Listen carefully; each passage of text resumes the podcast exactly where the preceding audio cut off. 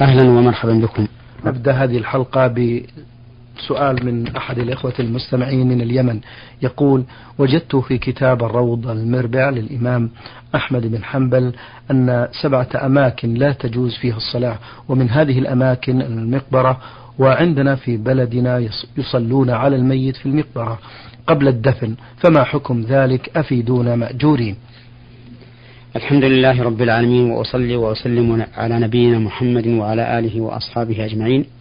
أما بعد فإن السائل يقول وجدت في الروض المربع للإمام أحمد بن حنبل. والكتاب المذكور ليس للإمام أحمد بن حنبل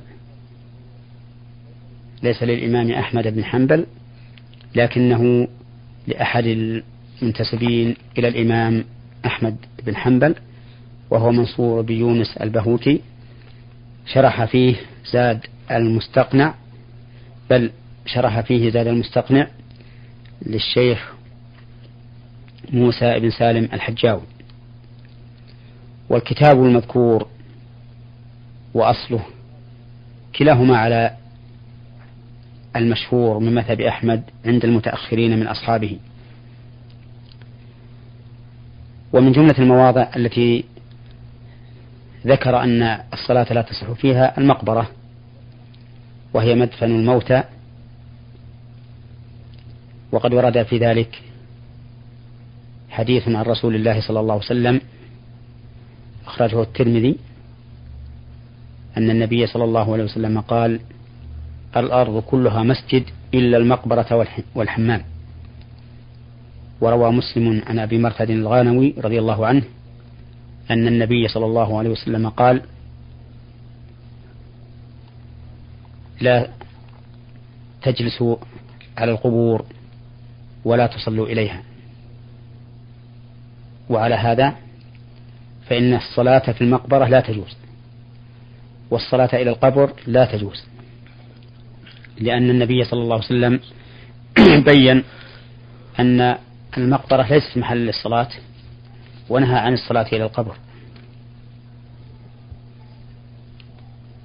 والحكمة من ذلك أن الصلاة في المقبرة أو إلى القبر ذريعة إلى الشرك. وما كان ذريعة إلى الشرك كان محرما لأن الشارع قد سد كل طريق يوصل إلى الشرك. والشيطان يجري من ابن آدم مجرى الدم فيبدأ به أولا في الذرائع والوسائل ثم يبلغ به الغايات. فلو أن أحد من الناس صلى صلاة فريضة أو صلاة تطوع في مقبرة أو إلى قبر فصلاته غير صحيحة. أما الصلاة على الجنازة فلا بأس بها. فقد ثبت عن النبي صلى الله عليه وسلم أنه صلى على القبر في قصة المرأة أو الرجل الذي كان يقوم المسجد فمات ليلا فلم يخبر الصحابة فلم يخبر الصحابة النبي صلى الله عليه وسلم بموته. فلما أصبح قال صلى الله عليه وسلم دلوني على قبره أو قبرها فدلوه فصلى عليه صلوات الله وسلامه عليه.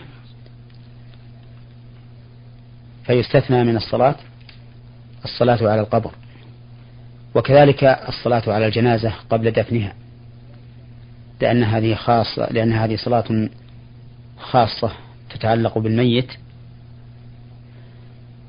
فكما جازت الصلاة على القبر على الميت فإنها تجوز الصلاة عليه قبل الدفن. هذه رسالة وصلت من بغداد من أحد الإخوة المستمعين هناك. يقول آه، هل يجوز آه، لبس الثوب الأسود على المتوفى وخاصة إذا كان على الزوج؟ نعم. آه، لبس السواد عند المصائب شعار باطل لا أصل له. والإنسان عند المصيبة ينبغي له أن يفعل ما جاء به الشرع. فيقول فيقول إنا لله وإنا إليه راجعون. اللهم أجرني في مصيبتي وأخلف لي خيرا منها. فإنه إذا قال ذلك بإيمان واحتساب فإن الله سبحانه وتعالى يأجره على ذلك ويبدله بخير منها. وقد جرى هذا لأم سلمة أم المؤمنين رضي الله عنها حين مات أبو سلمة زوجها وابن عمها وكان من أحب الناس إليها. فقالت هذا قالت وكانت كنت أقول في نفسي من خير من أبي سلمة؟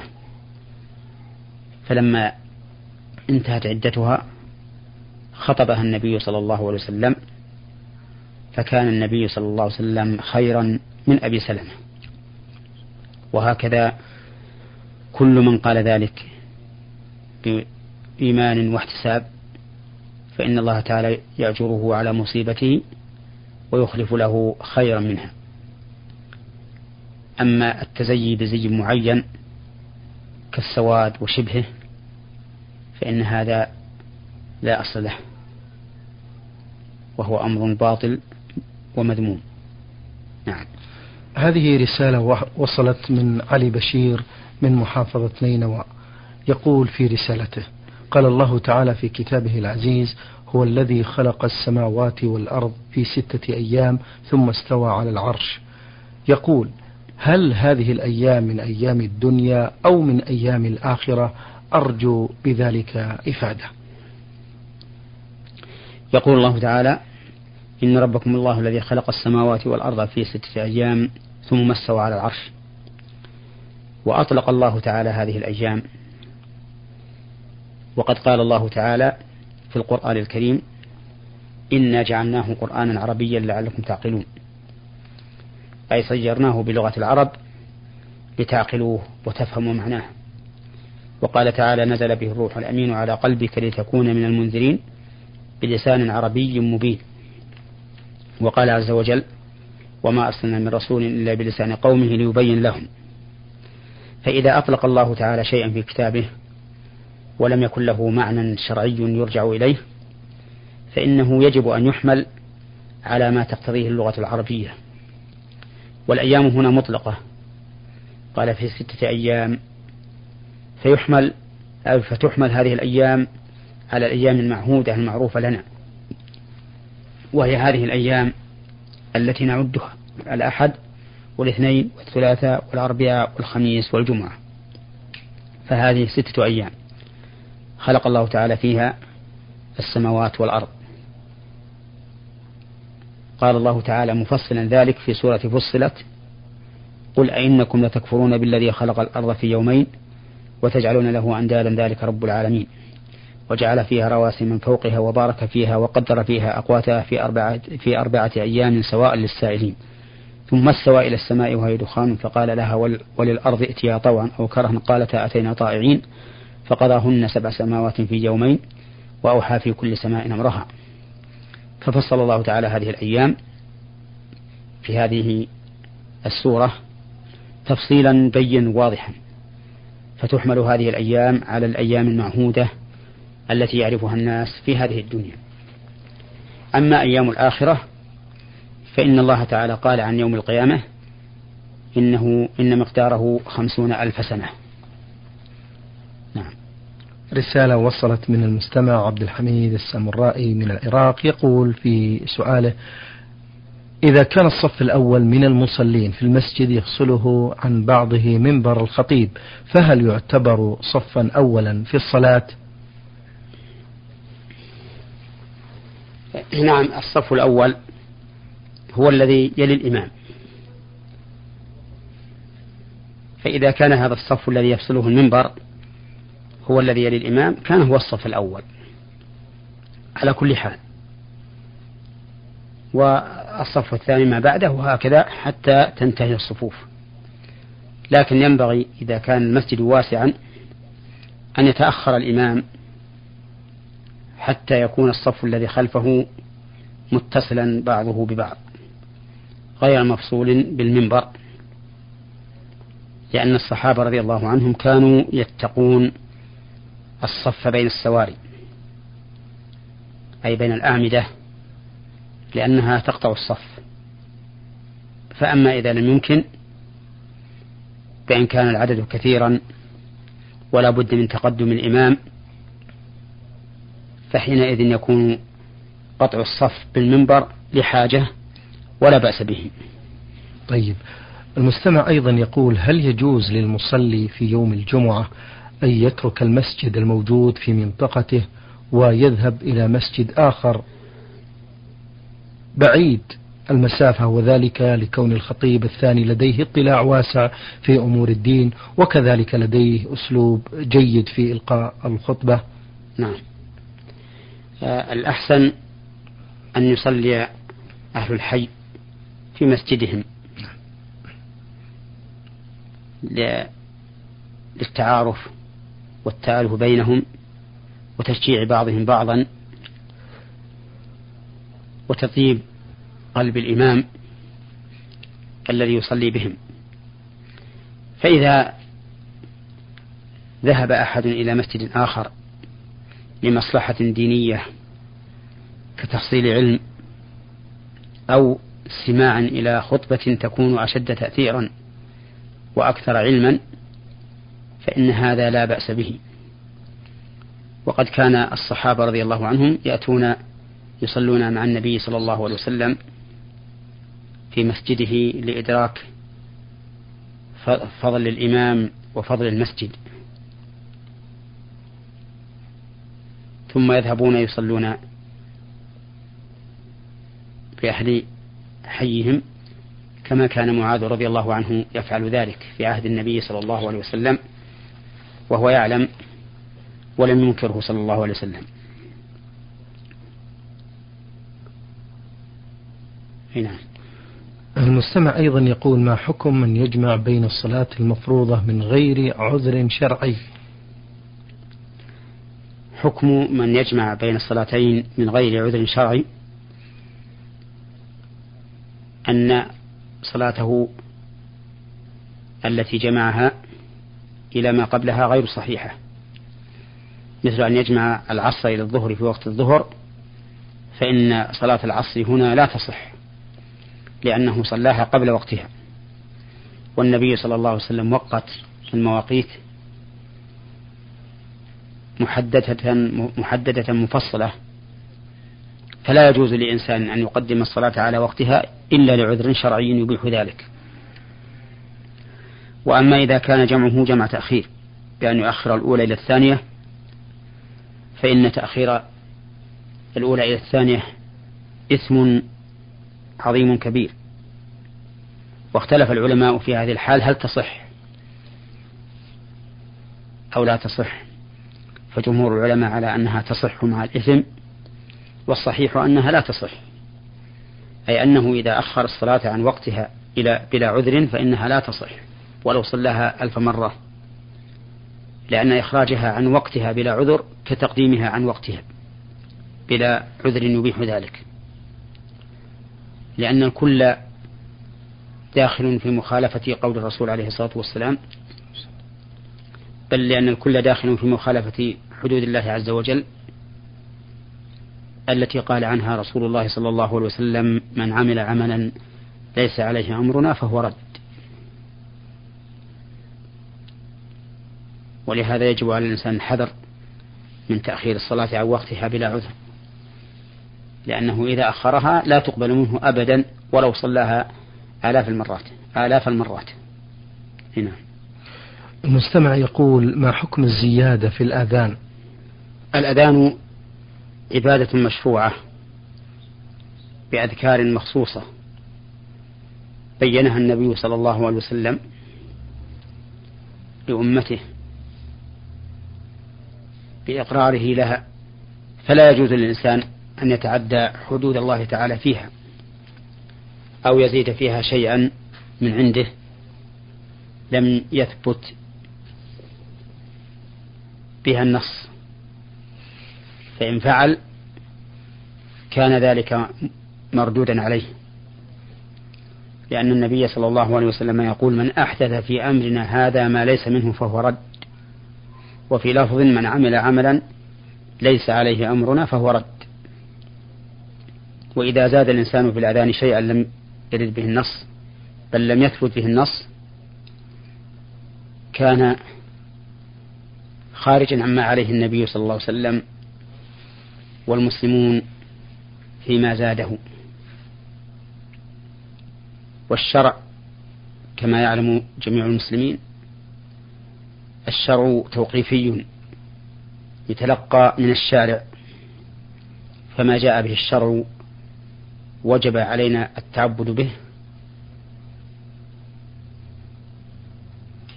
استحبابا في المستحبات. وإلزاما في الواجبات.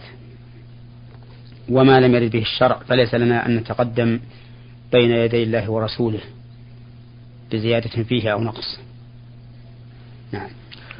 هذا مستمع من أدلم أصحنة رمز لاسمه بعين عين غاء. المستمع يقول بأنه شاب متدين ولله الحمد يبلغ من العمر الثانية والعشرين يقول أعاني من مشكلة أرجو من الله ثم منكم أن تساعدوني على التخلص منها وهي أنني حينما أشرع في الصلاة أبدأ بالتثاؤب من غير قصد وهذه الحالة دائما تلازمني حتى عند قراءة آية الكرسي بالذات ولا أعرف سببا لذلك حيث أنني أتثاءب أكثر من عشر مرات في الصلاة الواحدة أرجو بهذا إفادة. التثاؤب من الشيطان. كما أخبر بذلك النبي صلى الله عليه وسلم. وكما يتسلط الشيطان على المصلي بإلقاء الوساوس في قلبه والهواجيس التي لا زمام لها ولا فائدة منها كذلك ربما يتسلط عليه بالتثاؤب ويتثاءب كثيرا حتى يشغله عن صلاته. فإذا وجد ذلك فليفعل ما أمر به النبي صلى الله عليه وسلم. يكظم ما استطاع فإن لم يستطع فليضع يده على فمه حتى لا يجعل للشيطان سبيلا إليه. وليحرص على أن يقبل على الصلاة بنشاط وهمة وعزيمة صادقة وليسأل الله سبحانه وتعالى العافية. مما يحدث له في صلاته. وإذا سأل الله تعالى بصدق وفعل ما يستطيع من محاولة إزالة هذه الظاهرة فإن الله سبحانه وتعالى يقول وإذا سألك عبادي عني فإني قريب أجيب دعوة الداعي إذا دعان فليستجيبوا لي وليؤمنوا بي لعلهم يرشدون. نعم. المستمع أيضا من أدلم أصحنة آه سؤال يقول فيه قرأت في يوم من الأيام حديثا فيما معناه أن الرسول الكريم صلى الله عليه وسلم قال من قرأ القرآن ونسيه يأتي يوم القيامة وهو أجذم وأنا في الحقيقة إنسان أنسى بسرعة ولا ولا أتذكر شيئا إلا بشق إلا بشق الأنفس وهذا ما يخيفني وحاولت العلاج وعرضت نفسي على عدد من الأطباء فبماذا تنصحونني بارك الله فيكم؟ نقول إن نسيان القرآن ينقسم إلى قسمين. أحدهما أن يكون سببه إعراض القارئ وإهماله وتفريطه فهذا قد يكون آثما لكونه أهدر نعمة الله عليه بحفظ كتابه حتى أضاعه ونسيه. وأما القسم الثاني فهو أن يكون نسيانه عن غير إعراض وغفلة ولكنه لآفة به كسرعة النسيان كما في هذا السؤال لآفة به مثل كونه سريع النسيان كهذا كما في هذا السؤال أو لكونه ينشغل بأمور لا بد له منها في دينه ودنياه فينسى بذلك فهذا لا, لا يضر ولا يؤثر. وقد صلى النبي صلى الله عليه وسلم ذات يوم بأصحابه فقرأ بهم ونسي آية من القرآن. فلما انصرف ذكره بها أبي بن كعب. فقال له النبي صلى الله عليه وسلم هل لا كنت ذكرتنيها؟ يعني في في الصلاة. ومر بقارئ يقرأ ليلا فقال رحم الله فلانا لقد أذكرني بآية كنت نسيتها فالنسيان الذي يأتي بمقتضى طبيعة البشر لا يلام الإنسان عليه. نعم. آه هذا مستمع أخوكم أحمد آه عبده محمد مقيم في السويد. يقول بأنه مقيم في السويد ويعرض في مطاعمهم لحم الخنزير. ولقد تعرضت بالسؤال من بعض الأشخاص وهو لماذا حرم أكل لحم الخنزير؟ وما هو السبب؟ وما هو الدليل على هذا؟ أرجو من فضيلة الشيخ إعطاء إجابة وافية حول هذا. لحم الخنزير حرمه الله عز وجل في كتابه في عدة مواضع وأجمع المسلمون على تحريمه. وبين الله سبحانه وتعالى الحكمة من تحريمه في قوله قل لا أجد فيما أوحي إلي محرما على طاعم يطعمه إلا أن يكون ميتة أو دما مسفوحا أو لحم خنزير فإنه رجس. فبين الله سبحانه وتعالى الحكمة من تحريمه وهو أنه رجس أي نجس. مضر بالإنسان في دينه وبدنه. والرب عز وجل هو الخالق وهو العالم بما في مخلوقاته من أضرار ومنافع. فإذا قال لنا إنه عز وجل حرم الخنزير لأنه رجس علمنا بأن هذه الرجسية ضارة لنا في ديننا وأبداننا. وحينئذ نقول لكل إنسان سأل عن الحكمة في تحريم لحم الخنزير نقول إنه رجس. أي نجس ضار بالنسبة للبدن وبالنسبة للدين. وقد قيل إن من خلق هذا الحيوان النجس قلة الغيرة. فإذا تغذى الإنسان به فقد تسلب منه الغيرة على محارمه وأهله لأن الإنسان قد يتأثر بما يتغذى به. أفلم ترى إلى نهي النبي صلى الله عليه وسلم عن أكل كل ذي ناب من السباع وكل ذي مخلب من الطير؟ لأن هذه السباع وهذه الطيور من طبيعتها العدوان والافتراس فيخشى إذا تغذى بها الإنسان أن ينال من هذا الطبع. لأن الإنسان يتأثر بما يتغذى به. فهذه هي الحكمة من تحريم لحم الخنزير. وهذا نقوله حينما نقوله لإنسان لا يؤمن بالقرآن ولا بأحكام الله وقد نقوله لإنسان يؤمن بذلك. ولكن ليطمئن قلبه ويزداد ثباتا. والمؤمن بمجرد ما يقال إن هذا حكم الله ورسوله فهو عنده حكمة الحكم. كما قال الله تعالى وما كان لمؤمن ولا مؤمنة إذا قضى الله ورسوله أمرا أن يكون لهم الخيرة من أمرهم.